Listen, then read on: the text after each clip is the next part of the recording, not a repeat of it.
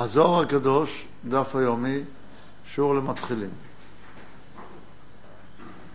אנחנו לומדים היום, בעזרת השם, עמודים רכ"ה, רכ"ו. למדנו בשיעור הקודם על הצורך בקבלת היגיון שהוא היגיון חדש, היגיון אחר מאשר ההיגיון הרגיל בו האדם חי.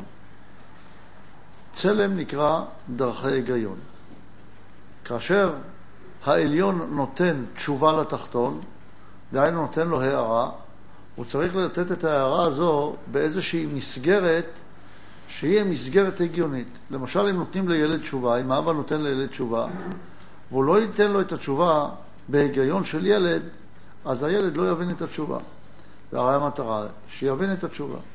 אותו דבר אור החוכמה שבא להינתן לזעיר אנפין, שצריך להוציא את הזעיר אנפין לחירות, להגיע לאהבה שלמה לבורא יתברך.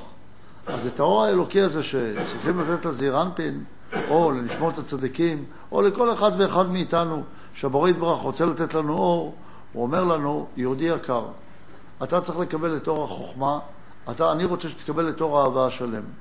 אבל אתה צריך לקבל אותו באיזושהי צורה של היגיון, שהיא תתאים להיות, שההיגיון הזה יהיה מקשר בין האור האלוקי שאני רוצה לתת לך, שהוא אור של מטרת הבריאה, לבין המקום בו אתה נמצא. אתה גם לא יכול לקבל את ההיגיון הזה רק במקום שבו אתה נמצא, וגם לא רק במקום שבו אני נמצא, אומר לו הבורא יתברך. לכן אנחנו צריכים לייצר משהו שמחבר ביני לבינך. החיבור הזה זה נקרא היגיון אלוקי הנמצא בתחתון. ההיגיון האלוקי הנמצא בתחתון קוראים לו צלם, וזה מה שכתוב, בצלם אלוקים ברא את האדם.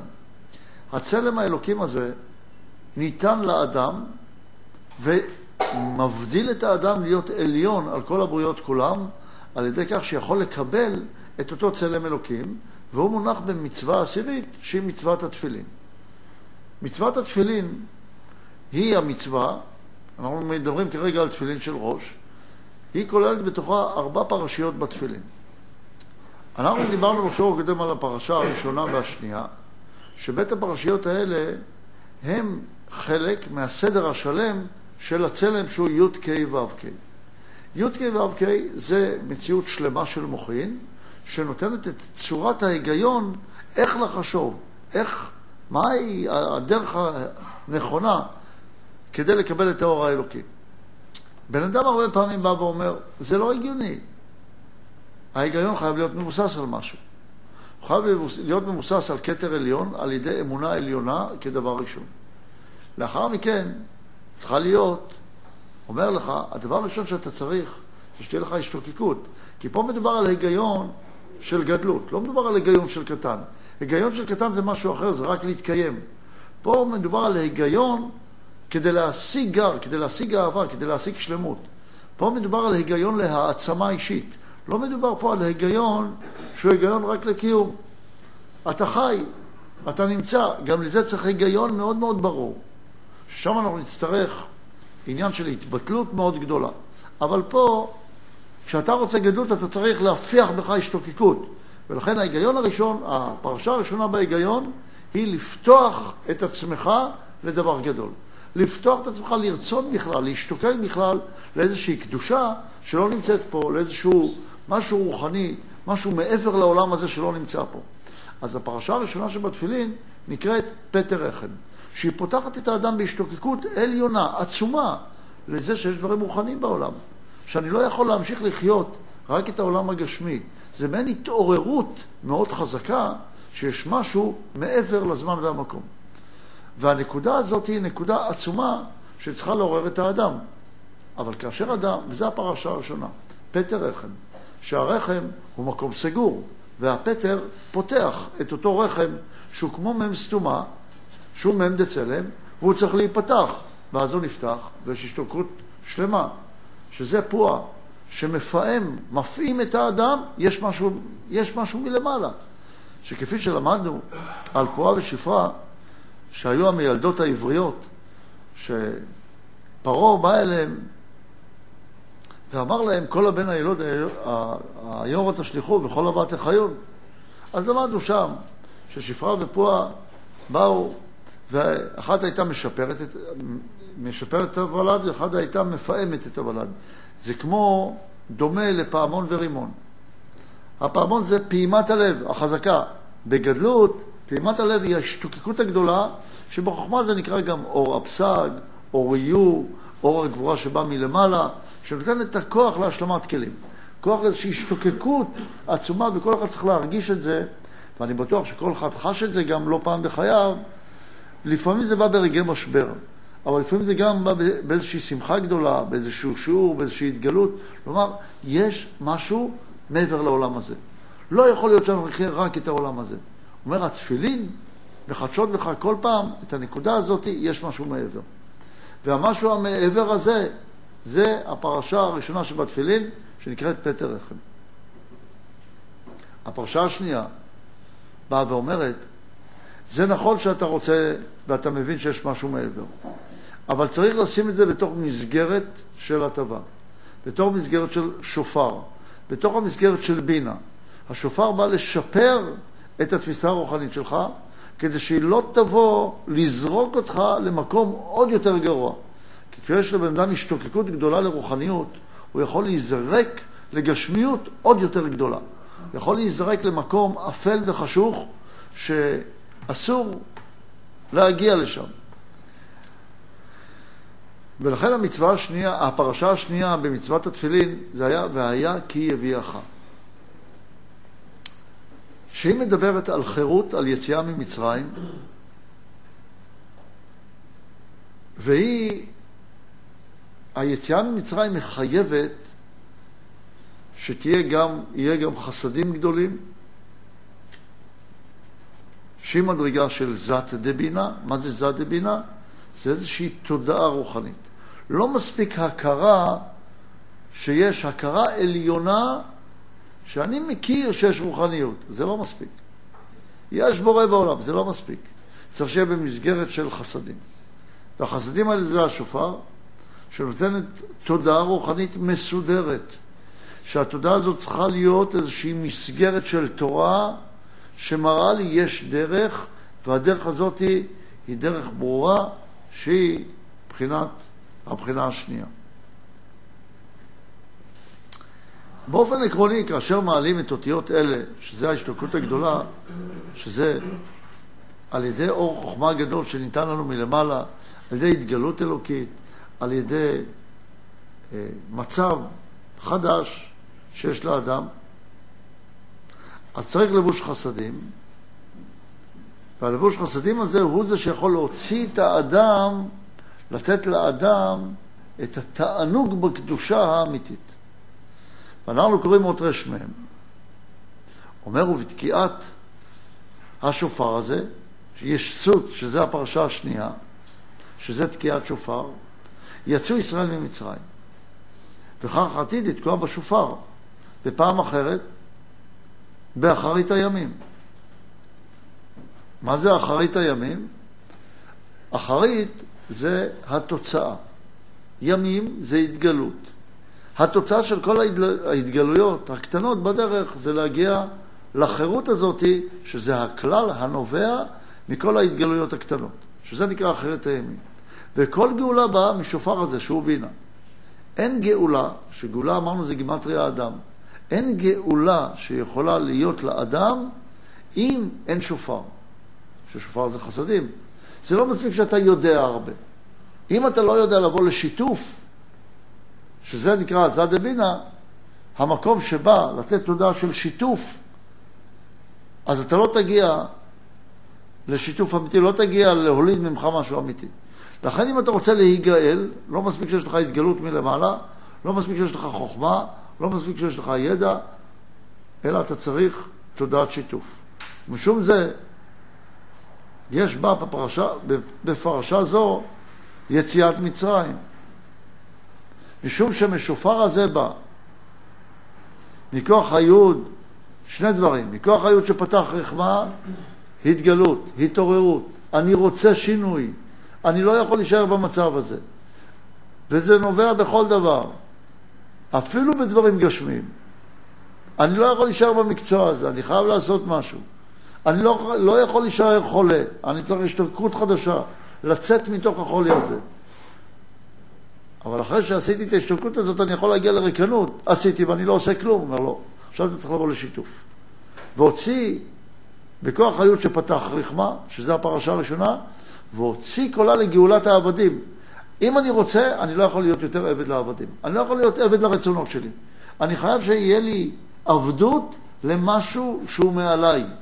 אם אני עבד, ממשיך להיות עבד לחשקים שלי, לא שיפרתי את עצמי. ולכן המצווה השנייה באה ואומרת, אם אתה גילית שיש משהו גדול, ואתה תמשיך להיות עבד לחשקים שלך, אתה לא יוצא מהעבדות. אתה תיקח את כל התורה, את כל מה שעשית, את כל ההתגלות האלוקית שלך, לחשקים האישיים שלך, לא תקעת בשופר. תהיה לך רוחניות אנוכית, אגואיסטית, תחפש מיסטיקה או כל מיני קוסמויות, איך יהיה לך יותר טוב. זה פועה בלי שפרה. זה התגלות אלוקית בלי להסכים, לקבל על עצמך, לוותר על כל החשקים האישיים שלך. אין בינה, אין שופר. אין לצאת מהמקום הצר של פיית השופר למקום רחב, למקום של חסדים, לאיזשהו מקום שנותן לך איזשהו מרחב רוחני עצום מתוך הצרות האישית שלך. אתה רוצה להביא את המרחב אליך, אתה תוקע בשופר הפוך. ואסור לתקוע בשופר הפוך.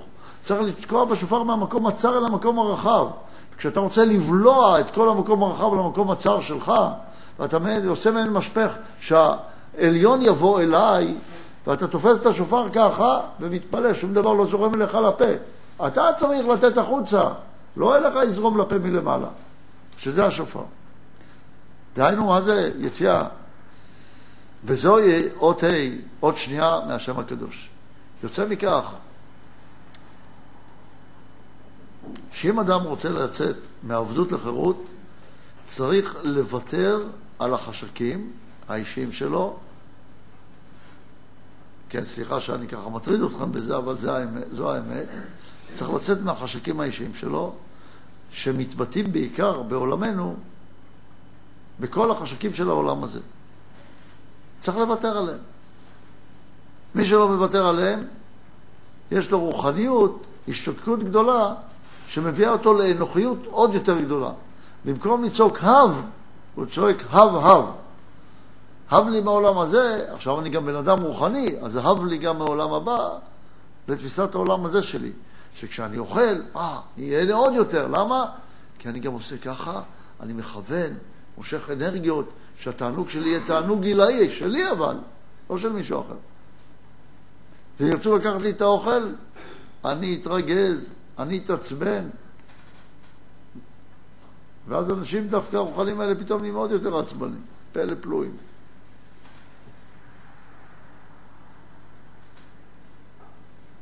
אות רמ"א. אז עד לפה היו בית הפרשות הראשונות, הפרשה השלישית. יסוד האיחוד של שמע ישראל, עבדי הוויה, כולל את הכל. עכשיו מתחילים לקבל את האור. מתחילה להיות הדעת. עד כה דיברנו על חוכמה ובינה. חוכמה, השתוקקות, יש רוחניות בעולם, למד את צלם, בינה, הכל במסגרת חסדים, במסגרת של ויתור, ויתור, כמו בינה, ויתור עליי, על עצמי. כמו עקדת יצחק. פרשה השלישית, ייחוד של שמע ישראל. אומר, עכשיו צריך חסדים האלה שדיברנו עליהם, צריכים לכלול הכל שהוא זירנטין ובו ייחוד הכל, שבו מתייחדים והוא לוקח הכל. הקול הזה שהוצאנו, זה פרצוף זעירנפין, שהיא מתחילה לייצר את uh, האחדות. היא באה לכלול את כל הרצונות, את כל ההיגיון של הרצונות לרצון אחד. דהיינו, היא באה לאהבת חברים, היא באה לומר שכל הרצונות הפרטיים כל הרצונות של ישראל באים לאחדות אחת בתפיסת הבורא. מקבלים על עצמנו שהבורא מאחד את כל הרצונות שלי. ויש לי רצונות, אני כבר מתחיל להשתמש בהם, יש לי היגיון של רצונות פרטיים שלי, אני מבין אותם, שהם ישראל, רק שהם צריכים לבוא לאחדות. איך הם יתאחדו? מה יאחד את כל הרצונות שלי? תפיסת הבורא שלי. תפיסת הבורא האחדותית, היא תבוא ותכלול את כל הפרטים שלי לכלל אחד. ששם, במצווה הרביעית, אני אקבל את האהבה. אבל אם אני לא אאחד את כל הרצונות שלי לדבר אחד, והרוחניות שלי תהיה רוחניות, שכל פעם אני רוצה איזושהי השראה ממשהו אחר, פעם אני רוצה השראה ממוזיקה, פעם אני רוצה השראה מציור, פעם אני רוצה השראה מבישול טוב שעשיתי, פעם אני רוצה השראה מטיול, וכן הלאה. אתה לא מאחד את הכל בבורא. אתה צריך לאחד את הכל, שמע ישראל, השם אלוקינו, השם אחד, ואז אתה צריך לדעת, ואהבת את השם אלוקיך בכל לבבך ובכל נפשך. זו המצווה השלישית, זו הפרשה השלישית. דהיינו צריך להיות לך היגיון. לא רק שאתה מוכן לוותר על הרצונות של, שלך האלה, אז מה אני כל הרצונות שלי? את כולם תאחד לרצון מרכזי אחד שבא לבורא יתברך. שזה צד החסד שבדעת. החסד הוא בא תמיד להשתלב, לבוא יחד, לייצר את האחדות, ולכן הוא בא לצרף את כל הרצונות לרצון מרכזי אחד. לכן הוא כולל את הכל. פרשה ג' אומר, מתייחדים והוא לוקח הכל. הפרשה הרביעית היא, והיה עם שמוע, שהיא כוללת כללות בית הצדדים, שהיא המלכות. והמלכות, שזה הלב של האדם, הוא כולל בתוכו גם את המוח, כי לב זה ל"ב נתיבות החוכמה, כל אור החוכמה הגדול, כל ההיגיון של הצירוף של כל הרצונות, הרצון המרכזי אחד, גם נמצא בלב, לכן הוא אומר שבלב יש גם את החסד והגבורה. שכנסת ישראל שהיא הגבורה שלמטה, שהיא המלכות נתאחדת בהם, וזו יהא אחרונה דהוויה הלוקחת אותם ונכללת עמהם. וכאן אנחנו רואים את ארבעת הכוחות שהם אבא ואמא שהם כנגד מ' דצלם, שהיא התגלות אלוקית, השתוקקות לרוחניות, למשהו מעבר. בינה, ל' דצלם, שזה הפרשה השנייה, זה ויתור גמור על עצמיות, על חשקים אישיים. ויתור על חשקים אישיים. לצאת מעבדות לעצמי. זה היציאה מעבדות. אין אפשר גאולה בלי שפרה, בלי השתפרות, שזה שופר. ממקום צר למקום רחב. צדי דצלם, שצלם זה כל ההיגיון האלוקי, זה הראש של זעיר אנפין, הצדיק דצלם כלול, שזה נקרא דעת, כלול מחסדים וגבורות, מהפרשה השלישית והפרשה הרביעית. הפרשה השלישית זה ייחוד כל הרצונות. כל הרצונות בהשם יתברך. שמע ישראל, השם אלוקינו, השם אחד. כל הרצונות. ישראל יש שישים ריבו אותיות לתורה, דהיינו רצונות בתורה, אין באמת שישים ריבו אותיות, אבל יש כן שישים ריבו רצונות, כולם, כל הרצונות מוזכרים בדבר אחד, מתאחדים בתפיסת הבורא. והפרשה הרביעית היא כרמל, אהבה שלמה, שבנויה מחסד ודין, שהיא מבחינת הגבורה, שזה קר, מלא כל טוב. דהיינו חייב להיות בשמחה, חייב להיות באהבה, בהתרוממות רוח, בתענוג עילאי. ואם אתה לא מסיים הכל לתענוג עילאי, לכרמל, אז אתה לא זוכה בכלום. מי שמנסה לקפוץ מהשתוקקות גדולה לתענוג גדול, בלי לוותר על עצמו ולהתאחד בבורא, אתה לא רוצה להיות דתי, רוצה להישאר אנוכי, זה מיסטיקה. אבא ואמא וכרמל זה מיסטיקה. כרמל זה חייב להיות שיש אהבה שלמה, אבל שחייבת לעבור דרך יסות וחסדים. דרך השופר שמשפר את הוולד, שמוותר על ההשתוקקויות העצמיות שלנו, שמוכן לצאת ממקום הצער, מעבד העבדים, מעבד לעבד, להיות עבד להשם. להיות, קודם כל לצאת מהעבדות הזאת, ואז להסכים לקבל עליך את הבורא, יתברך, ואז אתה יכול להגיע לקרמל לאהבה שלמה. וזה ההיגיון האמיתי והנכון שאליו צריך להגיע, השילוב של ארבע פרשיות והתפילין של ראש. למה הסדר הזה של הפרשיות, שזה הסדר של רש"י, ולא סדר של רבנו תם? על זה נדבר בשבוע הבא, ועוד נראה מה התוספת גם של תפילין, צריכים גם תפילין של יד, אבל זה נראה כבר בהמשך. אז בשיעור הבא בעזרת השם נלמד יותר את הפרשה הרביעית ונראה איך זה קשור, פרשה הרביעית לתפילין של יד, ואיך היא צריכה לבוא גם מבחינה מעשית, איך אותה אהבה צריכה להתפתח בלב האדם. עד כאן היום, תודה רבה.